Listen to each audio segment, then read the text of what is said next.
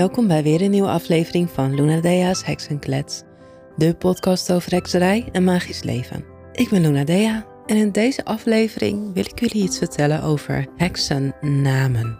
Want laatst kreeg ik een berichtje van iemand via Instagram met de vraag: Wat is mijn heksennaam? Kan jij me een heksennaam geven of krijg je die alleen via inwijding? Nou, ik, ik merk dat in veel boeken over hekserij er gesproken wordt over heksennamen. Dat veel heksen een heksennaam aannemen. Mij wordt ook heel vaak gevraagd of Luna Dea mijn heksennaam is. En ik weet niet, het is een heksennaam hebben, dat klinkt heel magisch. Natuurlijk in veel sprookjes en verhalen en zelfs in series over hekserij hebben de heksen een heksennaam. Of een naam die heel magisch klinkt dat suggereert direct dat, dat het hebben van een heksennaam een soort verplicht is. Maar dat is niet zo. Vroeger hadden heksen wel een heksennaam, maar dat was in de tijd van de heksenvervolgingen. Nou, die hebben een paar honderd jaar bestaan. En het was heel gebruikelijk om als je bij elkaar kwam voor ja, iets, dat je elkaar niet bij naam kende. Dan was het handig om elkaar wel aan te kunnen spreken met een naam. Dus er werd een schuilnaam gebruikt. Een heksennaam is echt bedoeld als schuilnaam, zodat als je werd opgepakt en verhoord en gefolterd voor bekentenissen, je de andere heksen alleen bij hun schuilnaam kende, zodat ze minder makkelijk opgespoord konden worden.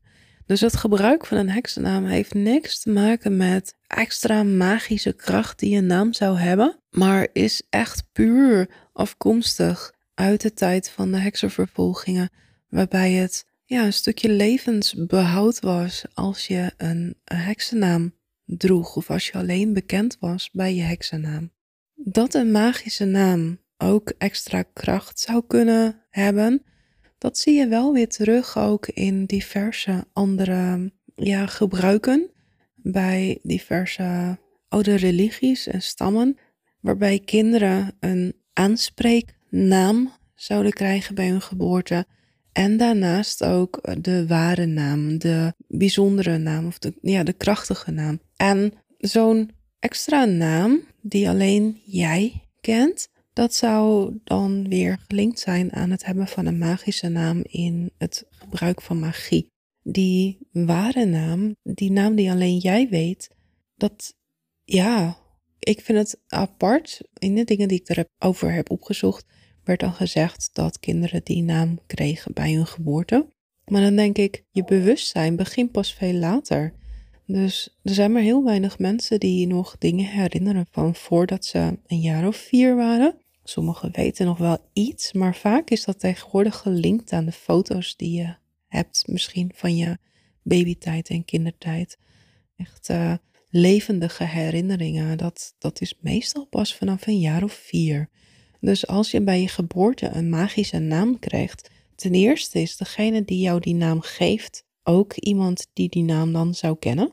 Dus niet alleen jij weet die naam. Een magische naam die alleen jij weet, moet je jezelf dan hebben gegeven in een tijd dat je al bewustzijn had. Dus ik denk ja, er zijn, er zijn meerdere, meerdere associaties met betrekking tot heilige of magische namen. Een magische naam heb je omdat je, als je bezig bent met magie, bevind je je eigenlijk spiritueel gezien in andere werelden, andere dimensies. Ook in die dimensiën is niet altijd alles goed en goed aardig, goedhartig.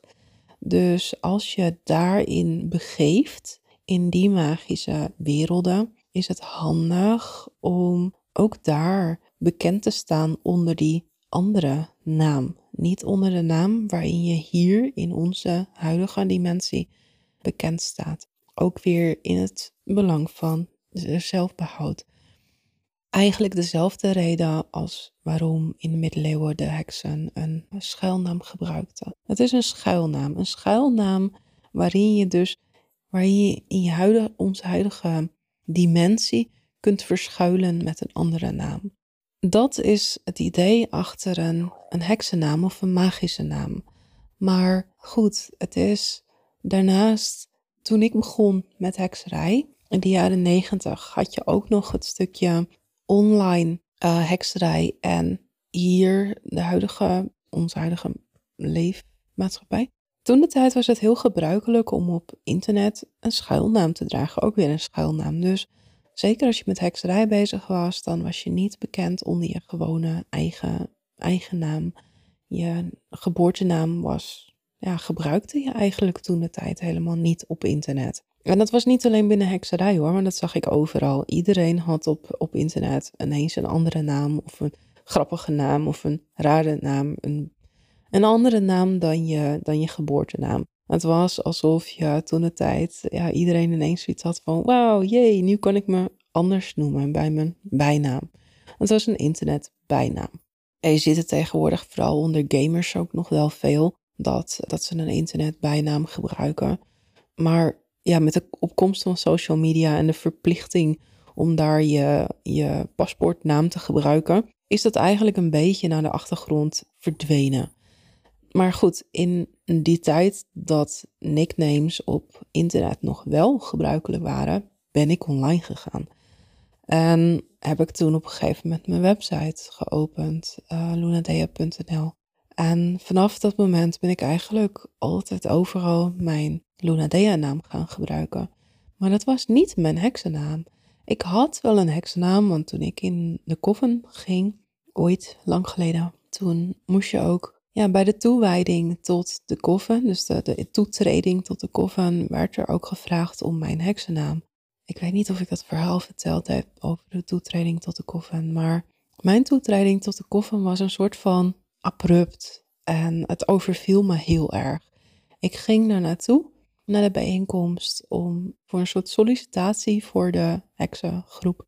En uiteindelijk moest ik daar blijven. Werd me gezegd van dan nou, blijf maar, want dan krijg je, we hebben vanavond al toetredingen van andere leden en dan kan je daar gewoon gelijk bij aanhaken. Nou, ik ging daar naartoe met het idee dat ik alleen maar een, een sollicitatiegesprek had, toetredingsgesprek. En ik bleef dus ineens voor een ritueel wat veel meer tijd in beslag nam. En ik dacht, ik ga op tijd naar huis. En toen moest ik nog, ja, toen bleef ik natuurlijk heel lang. En de ritueel duurt ook best wel lang. En ik hoopte maar dat ik mijn laatste trein kon halen naar huis. En dat hele ritueel overviel me. Ik moest ineens een gewaad aan en uh, ritueel douchen en ritueel mediteren. En nou, voor het eerst bij een koffen ritueel aanwezig. En het was allemaal heel ik werd geblinddoekt. Het was me heel over, overdonderend. En op een gegeven moment werd me dus gevraagd: wat is je heksennaam? Nou, ter plekke heb ik een naam uitgesproken. Het was de naam waarvan ik als kind altijd hoopte dat ik ooit een keer, dat, ja, waarvan ik dacht, heette ik zomaar? Weet je wel, was dat maar mijn naam? Want dat is zo'n mooie naam. Dus ik had die naam uitgesproken als heksennaam. En dat is dus niet Luna Dea. Luna Dea heb ik echt bedacht voor mijn website. En als internetnaam. Nou goed, als internetnaam gebruikte ik eerst nog andere namen. Uh, Nachtvlinder bijvoorbeeld. Maar op een gegeven moment ben ik dus mijn website begonnen en dat heb ik Lunadea genoemd. En dat is dus niet mijn heksennaam. Maar was niet mijn heksennaam. Maar inmiddels gebruik ik Lunadea ook als mijn gewone naam. En als heksennaam. En het is eigenlijk, ja, dat ben ik gewoon. Alleen mijn familie noemt me nog bij mijn geboortenaam. En zelfs de meeste vrienden ook uh, noemen me gewoon bij mijn normale, noemen me gewoon Lunadea. Maar ik gebruik naast Lunadea dan eigenlijk geen heksennaam, omdat ik vind dat de tijden veranderd zijn. Op het magisch vlak, ik denk ook, ja, alles wat zich in andere dimensiën bevinden, kunnen ons zien en horen hier in deze dimensie. Dus het gebruik van een magische naam in een andere dimensie voegt denk ik niet heel veel toe. Je bent ook gewoon in deze dimensie zichtbaar en vindbaar voor andere spirits. En daarnaast is het stukje schuilnaam op internet of gewoon in het echte leven, denk ik niet meer nu, van toepassing. En ja, er zijn nog steeds heel veel vooroordelen en mensen die tegen hekserij zijn, et cetera. Maar het is niet meer dusdanig heftig dat het je je leven kan kosten als anderen jou bij je echte naam kennen. Die noodzaak is weggenomen, is, is vervlogen. En ik denk dat het daarom dus ook ja, ook, ook daarom niet meer per se nodig is om een heksennaam te dragen. En dan blijft eigenlijk alleen het stukje esthetische ja, waarde over. Dat het magisch klinkt en een stukje extra idee van magie geeft als je bij een heksennaam genoemd wordt. Ja, hecht je daar veel waarde aan, dan ja, kies dan gewoon een heksennaam. Maar doe dat zelf. Ga niet op iemand anders leunen om jou een naam te geven. Want het is al iemand anders geweest. Het zijn al je ouders geweest die je bij geboorte een naam gaven waarvan zij vonden dat het bij jou past. Of wat zij gewoon heel mooi vonden klinken en misschien niet bij je past nu je ouder bent geworden. En nu heb je daarin een eigen keuze en nu kan je zelf beslissen om jezelf anders te noemen. Ik heb dat ook gedaan in eerste instantie voor mijn website en uiteindelijk ging ik me zo vereenzelvigen met die nieuwe naam dat ik me nu overal zo noem. Dus ja, en eigenlijk is dat best wel. Het is niet moeilijk om jezelf een nieuwe naam te geven. Je hoeft het ook helemaal niet wettelijk te doen, tenzij je oude naam dusdanig beladen is geworden dat je dat, dat je het wel wettig wil doen, maar dan moet je allerlei procedures doorlopen om je naam te laten wijzigen. En dat is best wel moeilijk. Ik vond dat niet nodig. Maar ik ben mezelf dus gewoon bij nieuwe mensen die ik leerde kennen gaan voorstellen als Lunadea in plaats van Ruti, mijn geboortenaam. Ik ben op een gegeven moment ook pakketten. Als ik pakketjes bestelde of zo, dan adresseerde ik dat aan Lunadea Jankovic in plaats van Ruti Jankovic. En dat is het eigenlijk. Als je overal, iedereen zegt van nou, ik, ik wil graag Lunadea genoemd worden. En je noemt jezelf ook overal Lunadea dan wordt het gewoonte. Ook bij de vrienden die je al hebt. En ja, er zijn nog steeds wel mensen die me af en toe routine noemen, maar ik vind dat niet erg. Ik vind het heus niet erg als mijn als oudere vriendinnen die me als routine ooit hebben leren kennen, 20 jaar geleden, maar nu nog steeds routine noemen. Ik luister daar gewoon naar. Ik vind het helemaal niet erg als mijn familie me routine noemt, want dat is logisch. Zij kennen me al 43 jaar als routine in plaats van Luna Dea. Maar wat ik wel vervelend vind, is dat mensen die ik helemaal niet ken mij routine noemen. En dat zie ik de laatste tijd ook wel vaker gebeuren. Kijk, op Facebook heet ik natuurlijk Lunadea Ruti Jankovic, omdat daar verplicht is om toch ook je paspoortnaam te gebruiken. En dan vind ik het heel raar als mensen die ik helemaal niet kennen mij ineens Ruti gaan noemen. Dan denk ik, voor jou ben ik gewoon Lunadea. Jij kent me als Lunadea, als de heks Lunadea. Ik ken jou verder helemaal niet persoonlijk, dus waarom zou je me Ruti noemen? Dat vind ik wel vervelend. En ja, goed, het, heeft me wel aan het denken gezet om ook daar mijn geboortenaam uh, misschien weg te halen. Ik weet niet of dat kan bij Facebook trouwens, maar dat is de enige plek. Facebook is echt nog de enige plek waar mijn geboortenaam bij staat. Voor de rest, andere social media kanalen doen er helemaal niet moeilijk over. Maar de meeste heet ik Hex Luna Dea. En ja, goed, nou dat, dat, is, dat is mijn verhaal. Als jij een heksennaam wil kiezen, dan kan dat gewoon. Dat is een persoonlijke keuze of je een heksennaam aanneemt of niet.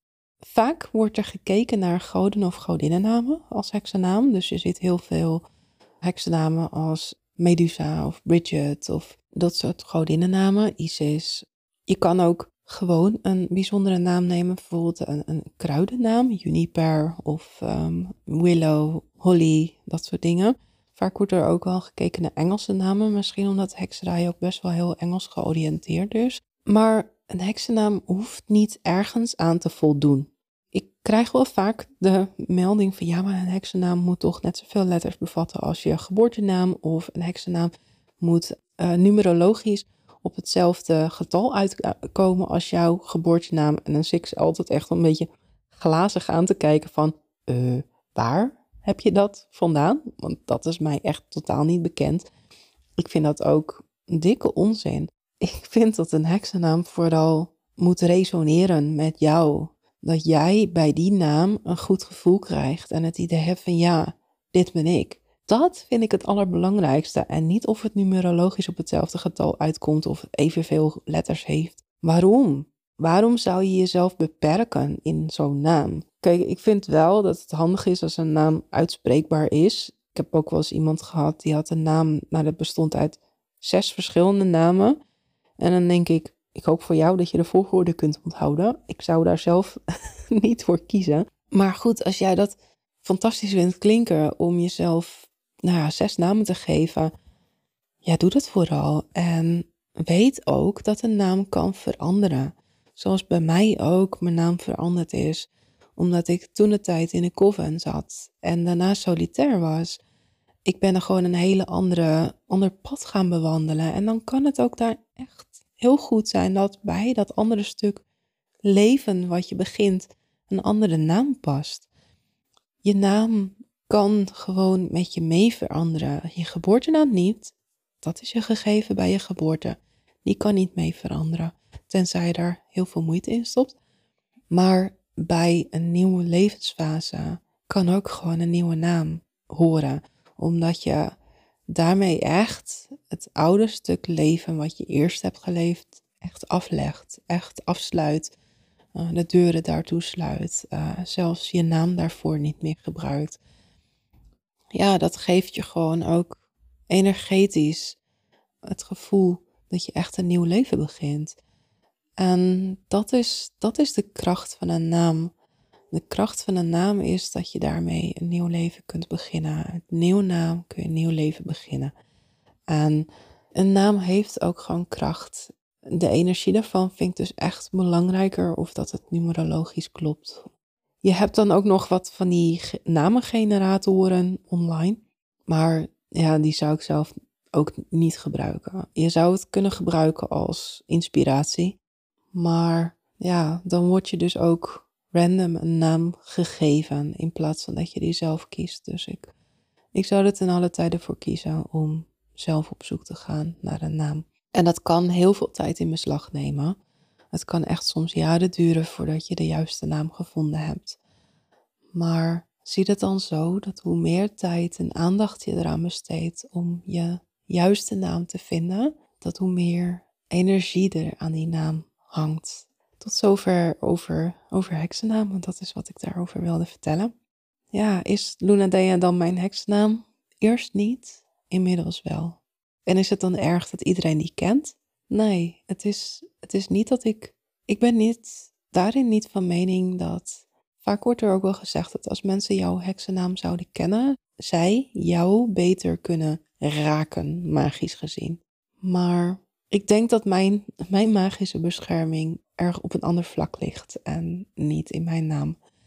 Want iedereen kent mijn naam, dus ik bescherm mij magisch gezien op een andere manier dan met een schuilnaam. Mensen kennen mij bij mijn naam, mensen kennen, herkennen mij als ze me zouden zien. Dus ja, mijn bescherming ligt ergens anders dan in mijn naam. Tot zover over heksennamen. Kies hem gewoon lekker zelf. Uh, besteed er aandacht en tijd in. Probeer ook eens gewoon wat namen voor jezelf uit. Het hoeft niet in één keer juist te zijn. Maar ja, op een gegeven moment voel en merk je aan een naam van ja, ja, dit ben ik. Dat was hem. En tot de volgende keer weer. Doei doei.